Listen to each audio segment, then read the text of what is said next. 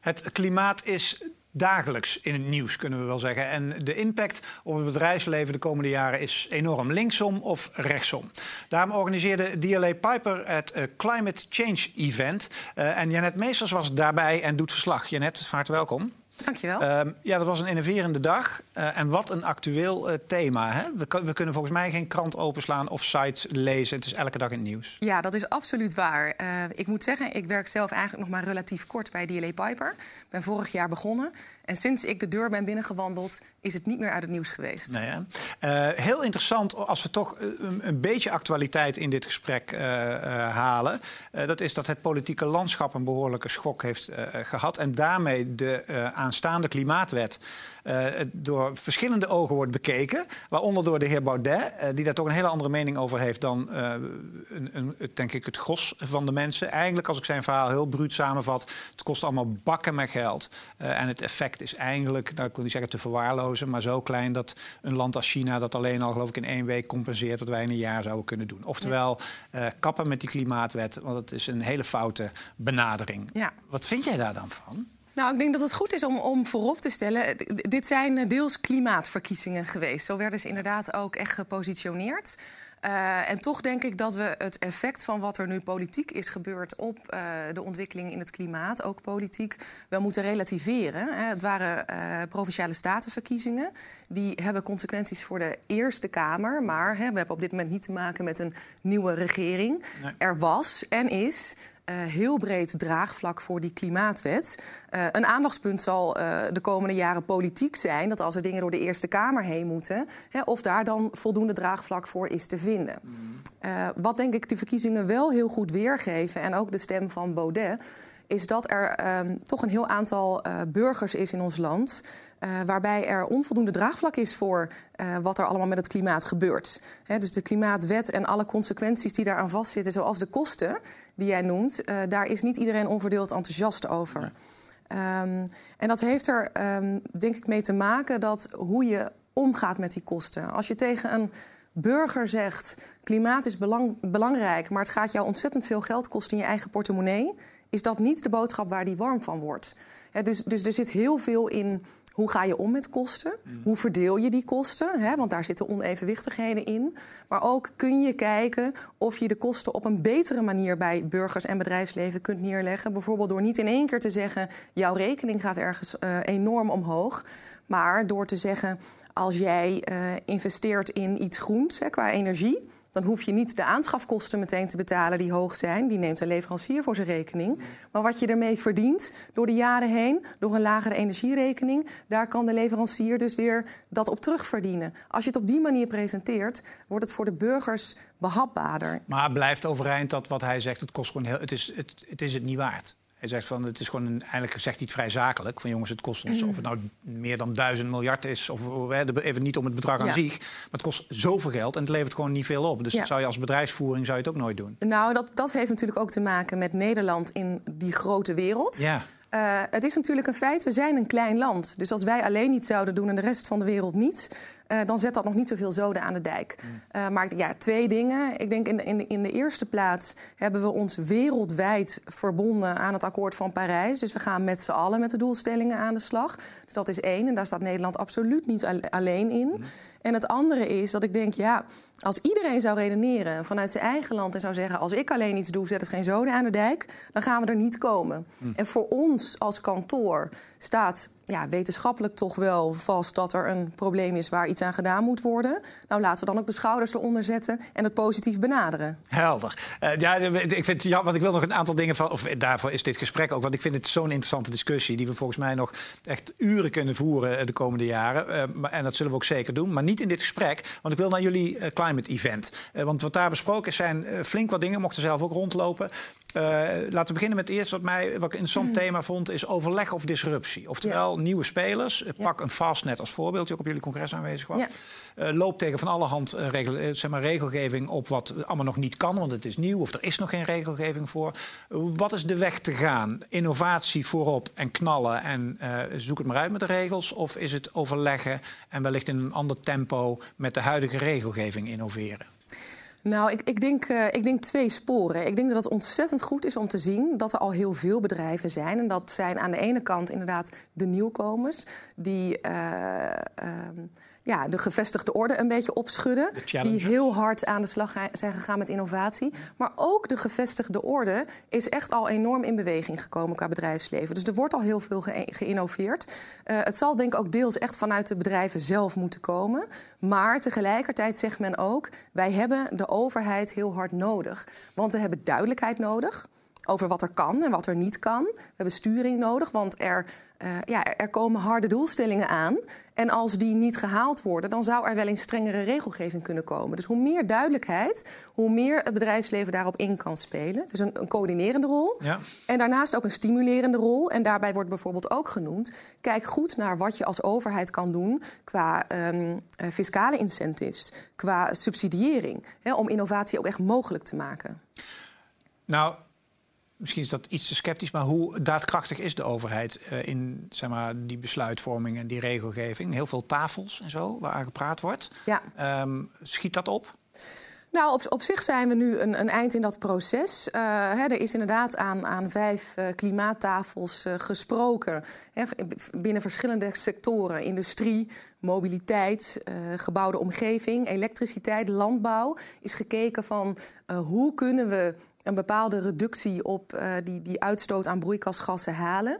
Dat is nu inmiddels doorgerekend door uh, twee planbureaus, het Centraal Planbureau en het Planbureau voor de Leefomgeving. Mm. Uh, zij zijn op 13 maart met hun doorrekeningen gekomen. Uh, daar kwam uit dat we waarschijnlijk met wat er nu is bedacht aan maatregelen... de doelstellingen voor 2030 niet gaan halen. Die 49 procent? Uh, ja, klopt. In het meest gunstige scenario wel. Maar er zitten zoveel onzekerheden in dat je ervan uit moet gaan... dat je dat meest gunstige scenario niet haalt. Dus het is nog niet genoeg. Uh, wel is er gezegd aan de andere kant ten aanzien van de kosten. Qua kosten valt het veel lager uit dan wat werd verwacht. dus dat is positief en dat maakt ook dat daar nog ruimte zit. Uh, nou, je hebt waarschijnlijk gezien, eigenlijk op de dag dat die doorrekeningen kwamen, is daar meteen op geacteerd. Hè. Uh, premier Rutte kwam diezelfde dag nog met de aankondiging dat er een CO2-heffing voor bedrijven gaat komen. Mm. nou ja, dat is natuurlijk een maatregel om toch tegemoet te komen aan het feit dat het nog niet voldoende is wat er nu bedacht was om die 49 procent te halen. Dus de bedrijven moeten gestimuleerd worden. Ja, en kijk, uh, ja, dan is een, een CO2-heffing nog niet echt een positieve stimulering. Hè? Want daar is natuurlijk ook ontzettend veel uh, uh, gedoe over geweest in de media. En eigenlijk heel lang ook van gezegd, dat willen we niet. Mm. Wat wij nu gezien hebben op ons event, en dat is op zich goed om te zien, uh, dat er vanuit de industrie best positief op wordt gereageerd. Uh, dat het oké is, mits dat niet te hoog is. En, dat is ook een hele belangrijke, mits die heffing wel ook vervolgens op een goede manier wordt ingezet. En bijvoorbeeld ook terugvloeit doordat die wordt gebruikt om innovaties te subsidiëren. En daarvan wordt, en dat is misschien goed om, te, om op te merken, daarvan wordt gezegd dat is ook wel heel belangrijk, omdat we als Nederland wel erop moeten letten dat we onze concurrentiepositie ook moeten bewaken. Ja, um, snap ik. Alleen die innovatie, ik ga meteen met een belletje rinkelen. Want dan denk ik innovatie. Bill Gates die zei vorig jaar ergens van... die had goede hoop, die zei zeker als jonge lui zich ermee gaan bemoeien... dan komt er een echte innovatie aan, die we nu nog niet kennen... -hmm. die echt de, het, dit probleem gaat tackelen. Uh, is dat niet een veel ambitieuzer en spannender gedachtegoed dan dat je vanuit Nederland gaat innoveren alleen? Moet je dit niet global aanpakken? Ja, uh, ik denk dat dat het heel goed is om te kijken hoe je ook grensoverschrijdend daarmee aan de slag kan gaan. Uh, en dat geldt ook zeker voor uh, de, de grote vervuilers in Nederland. Die zijn voor een deel natuurlijk ook internationaal. Een aantal van de grootste vervuilers hebben hun hoofdkantoren zelfs in het buitenland. Ja. dus dat, dat is sowieso, sowieso al veel breder dan alleen Nederland. Ik vind het wel aardig wat je zegt, want je noemt van... Hè, het, het, komt ook vanuit de jonge mensen. Mm. En dat is iets wat ook iedereen opvalt. iedereen die wij spreken uit het bedrijf bedrijfsleven zegt: het zijn de jonge mensen bij ons die het ontzettend stimuleren. Het zijn de millennials voor wie het een vanzelfsprekendheid is dat we hiermee aan de slag gaan. Die met allerlei initiatieven komen hm. en die eigenlijk de oudere garde daarin meenemen. Ja, wat, wat eigenlijk niet meer dan logisch is, want zo'n CO2-heffing zegt dat eigenlijk ook. Betekent zo'n CO2-heffing eigenlijk dat de overheid harder wil dan het bedrijfsleven? Um, nee, uh, dat denk ik niet. Want ik denk dat het bedrijfsleven juist eigenlijk al een aantal jaar aan de deur rammelt bij de overheid. Wij innoveren al lang. Wij zijn ermee bezig. Overheid, doe mee en geef ons sturing. Dus dat denk ik niet. Ik denk dat dit heel duidelijk een voorbeeld is van dat de overheid uh, realistisch is. We zien doorrekeningen. Wat we nu hebben bedacht is niet genoeg. En dan moeten dus maatregelen bij om te zorgen dat we echt onze doelstellingen gaan behalen. Maar zou, zou, zouden grote bedrijven niet ook al nu al zelf meer kunnen doen zonder daar regelgeving? Je kan toch, um, ja, ik zeg hem even heel plat. Um, er worden best wel winsten gedraaid bij heel grote ondernemingen. Nou, dan, dan verminder dat maar eens en investeer maar eens in het voortbestaan van deze planeet. Ja, het klinkt misschien idealistisch, maar zijn bedrijven daar hard genoeg mee bezig? Nou, ik denk dat daar altijd een spanningsveld op zit. Um, dat dat uh, erkennen bedrijven ook zelf. Want natuurlijk uh, handel je ook vanuit een winstprikkel. Hm. En zul je op het moment dat je een, uh, een contract gaat uitvoeren, niet alleen maar kijken naar hoe kan ik dit maximaal duurzaam doen of maximaal circulair doen, maar je kijkt ook naar wat, hè, wat brengt het op en hoe zorgt het voor het voortbestaan van de onderneming. Um, dat daar een spanningsveld in zit, is evident. Wat bijvoorbeeld wordt gezegd, en dat is wel aardig, uh, ik ben zelf, ik hou me bezig met aanbestedingsrecht. Nou, dat is het, het uh, gebied waar overheid en bedrijfsleven bij uitstek samenkomen en contracten met elkaar aangaan. Mm. Daar wordt dit punt ook wel genoemd. Hè. Daar wordt ook wel eerlijk gezegd van ja, uh, als ik inschrijf op een aanbesteding en ik kan een hele grote opdracht krijgen, dan moet ik toch ook aan mijn bedrijf denken ja. hè, en aan uh, de opbrengsten. Dus dan ga je niet kosten wat kost uh, inzetten op, op innoveren, op duurzaamheid, als jou dat niet oplevert. En daar wordt eigenlijk gezegd, daar verwachten we ook iets van de overheid, zodat we en een reële kans hebben om met onze eh, innoverende producten die aanbesteding te winnen. En dat ook op een rendabele en goede manier kunnen uitvoeren. Ja, Oké, daar zit dus de samenwerking. Want dat sterker nog, dat zou juist een positief ding moeten zijn om die aanbesteding te winnen, lijkt mij. Dat soort ingrediënten. Ja, maar, maar dat, dat zie je nu dan niet. Hè. Wat er bijvoorbeeld wordt gezegd van um, hè, als wij moeten, moeten innoveren en dat kost ons eh, per eenheid 10 eh, euro. En wij kunnen daar een, een gunningsvoordeel mee krijgen in de aanbesteding van 2 euro ja, wie gaat dat dan nog doen? Ja. dus daar is, is, dat is iets waar de overheid ook zichzelf in de ogen moet kijken. Van als ik het belangrijk vind, moet ik misschien wel bereid zijn om dat gunningsvoordeel ook zo groot te maken. Ja. Uh, pak eens wat sectoren erbij. Het vastgoedsector is goed behandeld op het uh, Climate Change Event. Wat kunnen we daar zien? Wat, zijn daar dus, wat, wat speelt daar?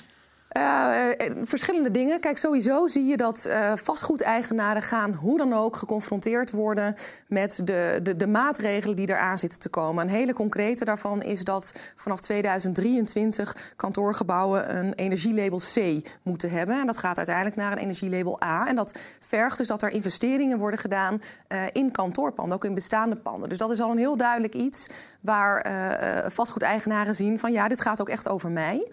Uh, wat we vooral aan de orde hebben gesteld daarnaast is dat. Uh, er zijn eigenlijk allerlei hele goede mogelijkheden om te benutten als je actief bent in het vastgoed. Er zijn verschillende subsidiemogelijkheden uh, voor ja, te ontwikkelen plannen. Mm. Er zijn ook allerlei fiscale incentives die gebruikt kunnen worden.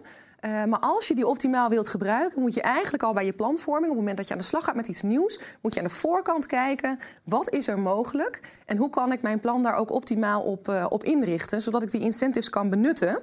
Uh, en daarmee ook nou, bepaalde investeringen die ik doe, deels ook weer terug kan krijgen. Zijn dat goede incentives? Ik krijg altijd jeuk van subsidies.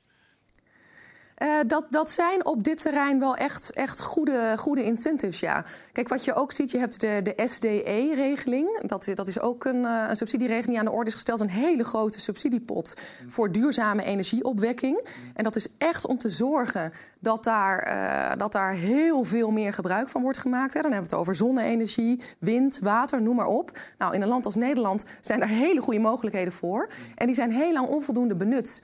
En dat was te duur. En door het in ieder geval tijdelijk te subsidiëren, kun je zorgen dat er geïnnoveerd wordt, dat het wordt verbeterd en dat er zodanige investeringen worden gedaan dat het uiteindelijk mogelijk zonder subsidie kan worden gedaan.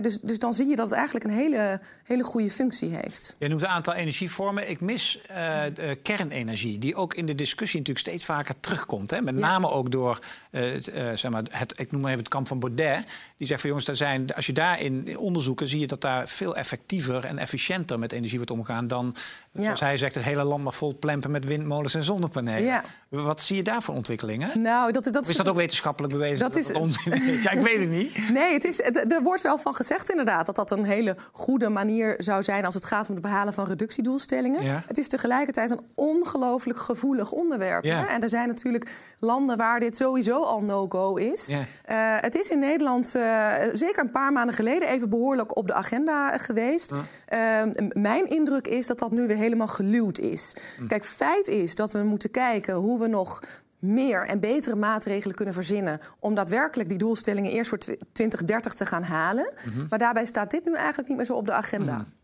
Uh, vastgoedsector had je het over. Wat zijn nog meer zaken die zijn besproken op je, uh, op je evenement? Circulair uh, hoorde ik, of circulaire aanbesteding. Waar, ja. wat, waar, ging dat precies over? Ja, circulair aanbesteden. Nou ja, wat, wat je ziet is dat binnen het aanbestedingsrecht of de aanbestedingen duurzaamheid al heel lang een hot topic, hot topic is. voor overheden was het heel lang een, echt een nice to have. Iedereen wilde duurzaam zijn. Ja. en dat werd in, in aanbestedingen ingebouwd. Nou, het is nu een must-have aan het worden. Dat kunnen we, kunnen we wel stellen. maar we zien ook dat overheden en inschrijvers er allebei eigenlijk mee worstelen. En dat heeft met meerdere aspecten te maken. Eigenlijk is één element wat ik zojuist al noemde: uh, innoveren kost geld. Mhm. Dus als je wilt dat uh, potentiële opdrachtnemers innoveren, dan zul je dat ook op een juiste manier moeten belonen in je aanbesteding. Of als, als opdrachtgever bereid moeten zijn om daar meer voor te betalen. En bijvoorbeeld minder gewicht moeten geven aan wat het kost. Uh, dat is een element. een ander element wat je ook ziet is ja, kennis. Uh, hoe zorg je nou dat je op een goede manier uh, innoverende uh, processen beoordeelt of innovatieve producten beoordeelt? Hoe vergelijk je twee oplossingen die heel verschillend zijn van twee partijen, maar die allebei tot, tot reductie leiden? Hm. dat zijn dingen die heel ingewikkeld worden gevonden, waar veel misgaat. Ja, en een derde punt wat je heel erg zag in die, in die workshop, er wordt te weinig gecommuniceerd. Want in een aanbesteding zelf mag je nauwelijks communiceren. Dat is eigenlijk een hele strikte hm. procedure. Maar toch daaromheen, hè, het consulteren van de markt. Wat kunnen jullie eigenlijk bieden? Ja. Uh, ook het, bevragen van de markt. Van, goh, markt, wat heb je van ons als overheid nodig? Uh, zou kunnen leiden toch tot het beter benutten van de kansen die er liggen. Uh, meer samenwerking. meer ideeën ook over waar zitten de risico's van die uh, innovatieve producten en, en processen. En hoe gaan we met die risico's om? Hoe verdelen we die evenwichtig? En het gaat ook wantrouwen wegnemen. Want dat is er toch ook tussen overheid en bedrijfsleven. Ja. ja, het enige wat ik nog een beetje mis in jouw verhaal, of wat ik niet mis, wat ik niet zo goed begrijp, is dat als ik denk aan bedrijven, als, als ik als ondernemer denk en ik ga innoveren, dan zou ik dat doen om nieuwe markten te pakken en om beter de markt te bedienen. Dus dan zou ik daar geen subsidie voor hoeven. Dan zou het mijn ondernemend, mijn mhm. keuze zijn als ondernemer om te zeggen: ik ga voor innovatie. Daarmee onderscheid ik mij van de concurrent. Uh, en zo pak ik markt. Waarom zou ik daar subsidie voor moeten hebben? Nou, maar dat, dat gebeurt ook absoluut. Uh, je ziet dat, dat bedrijven daar ook echt al, al lange tijd mee bezig zijn. En ook allerlei pilots bijvoorbeeld draaien om te kijken, om, om maar een voorbeeld te noemen, hoe ze van diesel over kunnen naar biogas mm. in, in, hun, uh, in hun processen. Uh, maar als het dan bijvoorbeeld gaat om uh, partijen die veel voor overheden doen, mm. dan kan je zeggen: ik ga daar zelf in innoveren. Maar als die kosten daarvan zo hoog zijn dat je dan eigenlijk nooit een aanbesteding kan winnen, of een heleboel kosten voor eigen rekening moet laten en daardoor eigenlijk altijd verlies leidt, ja, dan moet je toch een afweging maken als bedrijf. Is dat the way to go forward? Of moet ik toch het debat maar eens aangaan dat er ook iets van de andere kant moet komen? Ja. ja. ja. Ja, ik heb wel moeite met de publieke en uh, private, maar dat is mijn ondernemersgeest. Dat tot slot, meneer Samson. Voor de mensen die Dirk Samson zal menigeen wel kennen, ik denk iedereen wel zo'n beetje. Maar voor degenen die niet zo goed in deze klimaatonderwerp uh, en discussie zitten, wat is zijn rol vandaag de dag in dit onderwerp? En waarom sloot hij jullie event af? Ja, nou, uh, hij sloot ons event af natuurlijk omdat hij eigenlijk uh, uh, heel goed past in het onderwerp. En dat is niet alleen omdat hij nu betrokken is bij de klimaattafels, maar omdat hij nou ja, van kinds af aan, zoals we hem hebben horen vertellen, ja, heel veel gevoel had bij dit onderwerp. Als 14-jarige las hij kind van, Kinderen van Moeder Aarde van Thea Beckman. En daar werd bij hem de interesse aangewakkerd. Nou, we weten denk ik allemaal. Hè. Hij is natuurlijk betrokken geweest bij Greenpeace, vervolgens in de politiek gezeten. En hij heeft ons nu verteld, vanuit zijn huidige rol, heeft hij ons laten zien dat er heel veel gebeurt qua groene energie. Dat er een enorme ontwikkeling gaande is waarin groene energie uh, meer wordt toegepast en steeds betaalbaarder wordt. En, dat dat en wat is groene energie? Is. Groene energie, de definitie? Ja, dan hebben we het dus over uh, hè, wat we zojuist ook bespraken: energie uit uh, windparken, bijvoorbeeld, ja, ja. zonne-energie, ja, water, biomassa. energie die Moeder Aarde ons biedt. Zoals uh, Thea Beckman. ja. ja, ja, ja, ja, ja. Oké, okay, en daar, dus hij is heel positief. Hij vertelde een, eh, een, positief verhaal. Dat was denk ik sowieso goed. Hij was uh, de, de, laatste spreker op ons uh, congres. Dat is denk ik altijd goed om met een positief verhaal te eindigen. Wat sowieso verfrissend was aan zijn verhaal, vond ik, is dat het gaat in het klimaatdebat erg over het bedrijfsleven, de vervuilers. er zijn ook veel ehm, ja, negatieve boodschappen daarover in het nieuws. Uh, en wat hij eigenlijk deed, is hij stelde meer uh, de burger centraal. Zeg maar, jij en ik. Uh, en hij zei van eigenlijk zien we goede dingen, zijn goede ontwikkelingen, maar we moeten er als mensen ook nog meer in meegenomen worden. Uh, hè, uh, wij moeten eigenlijk ook nog meer mee veranderen. En hoe kan dat gebeuren? Waardoor worden wij getriggerd? En wat hij denk ik heel treffend noemde, is dat wij onder meer getriggerd worden door onze buurman, die ons een positief verhaal vertelt. Als jouw buurman zegt dat hij zonnepanelen heeft en dat hij daar eigenlijk uh, financieel veel voordeel van heeft, dan is dat iets waarvan veel mensen denken: hé, hey, dat zou voor mij ook interessant kunnen zijn. Dus, dus de omgeving is een belangrijke. Ja, maar nou onderbreek je. Ja. Want dan heb ik echt zoiets van: als, maar als dat de ontwikkeling wordt, dan word ik daar niet blij van. Als het, want het, dat zal ik nog eerlijker vertellen: ik krijg, ik geloof, 18.000 euro milieu-investeringsaftrek op een best wel hele dure auto. Wat ik een volstrekt belachelijke regel vind. Mm -hmm. Want daarvoor heb ik die auto niet gekocht. Mm -hmm. Dus als ik door mijn buurt, dat is geen persoonlijke kritiek op jou hoor, maar dat vind ik wel interessant in deze discussie. Mm -hmm. Van denk ik van ja, maar als nou mijn buurman gaat zeggen: ja, ik doe zonnepanelen, want dat, uh, de leven, ik, krijg, ik heb er ook voor 2000 euro gratis op mijn dak mogen zetten, omdat er een subsidieregeling was. Maar eigenlijk vind ik dat niet de motivator die het zou moeten zijn. Nee, Toch, maar, mag ik hopen. Nee, dat, dat, dat is het ook niet. Alleen het geeft weer dat een, een overheid kan met allerlei goed bedoelde boodschappen komen, ja. uh, maar is daar niet altijd effectief in, terwijl de buurman daar veel effectiever die snap is. Ik. Dus dat is denk ja. ik. En dat is daar een maar beetje, zou het niet veel meer zo moeten zijn dat als jij gaat protesteren tegen bedrijf X omdat hij zo vervuilend is, dat je dan beter gewoon niks meer met bedrijf X zou kunnen doen? Als we dat nou met z'n allen doen, dan schiet het volgens mij meer op. Zonder nou naming en shaming te doen, snap je? Ja, ik, ik, ik, denk alleen wel dat je dan weer vanuit, vanuit een, een negatieve benadering gaat acteren. Ja. Uh, kijk, wat hij eigenlijk uh, meer zei is, en, en daar ligt denk ik uh, een, een enorme kans. Um, wat ik aan het begin ook noemde, voor een burger is het geen positief verhaal als hij heel veel moet betalen of een heel veel hogere rekening krijgt door klimaatverandering. En als we dat op een andere manier kunnen gaan invullen, uh, dan zou het bij de burger ook beter kunnen landen. En dat is bijvoorbeeld die aanschaf van ja, ja. een warmtepomp die je niet vooraf hoeft te, fin te, te, financieren. Uh, en daar hebben we uh, de burger die dan wel overtuigd wordt. Uh, en daar, daar uh, is, is voor nodig dat het bedrijfsleven daar goede dingen verzint van hoe kunnen wij dit op een goede manier aanbieden. Daar zullen banken over moeten nadenken. Hoe gaan wij dat financieren? Want dat vergt toch ook een ander model. Ja. Toezichthouders zullen meer ruimte moeten bieden. En ook de overheid komt gewoon weer om de hoek in de coördinerende rol. Uh, en ik vond dat eigenlijk wel een hele aardige. Hè? Als, als we zien dat um, als je de burger meekrijgt, dan gaan we nog meer de goede kant op. Uh, dan denk ik dat de cirkel eigenlijk ook rond is. Want we hadden het aan het begin over de, de, de uitslag van de provinciale statenverkiezingen. Uh, en toch een aantal burgers hè, die zeggen van.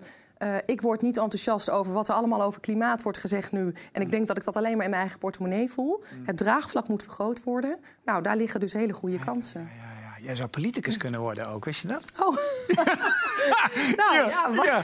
Hey, tot slot, hoe staat de wet ervoor over een jaartje of twee? Uh, nou ja, de, de wet... moet nog door de e- Eerste Kamer. Ja, moet door de Eerste die is Kamer. druk bemand door ja. Baudet-collega's. Ja. Nou als we zien hoeveel partijen uh, die, die wet gesteund hebben... dan, uh, dan moet dat wel goed komen.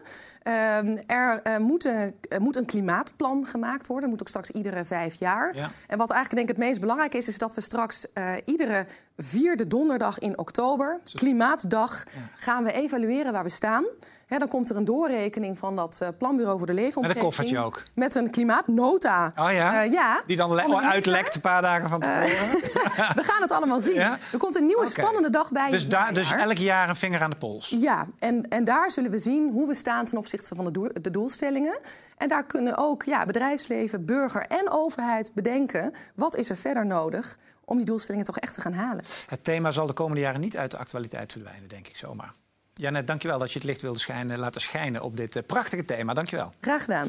En uh, namens DLA Piper, dankjewel voor het kijken. Dag.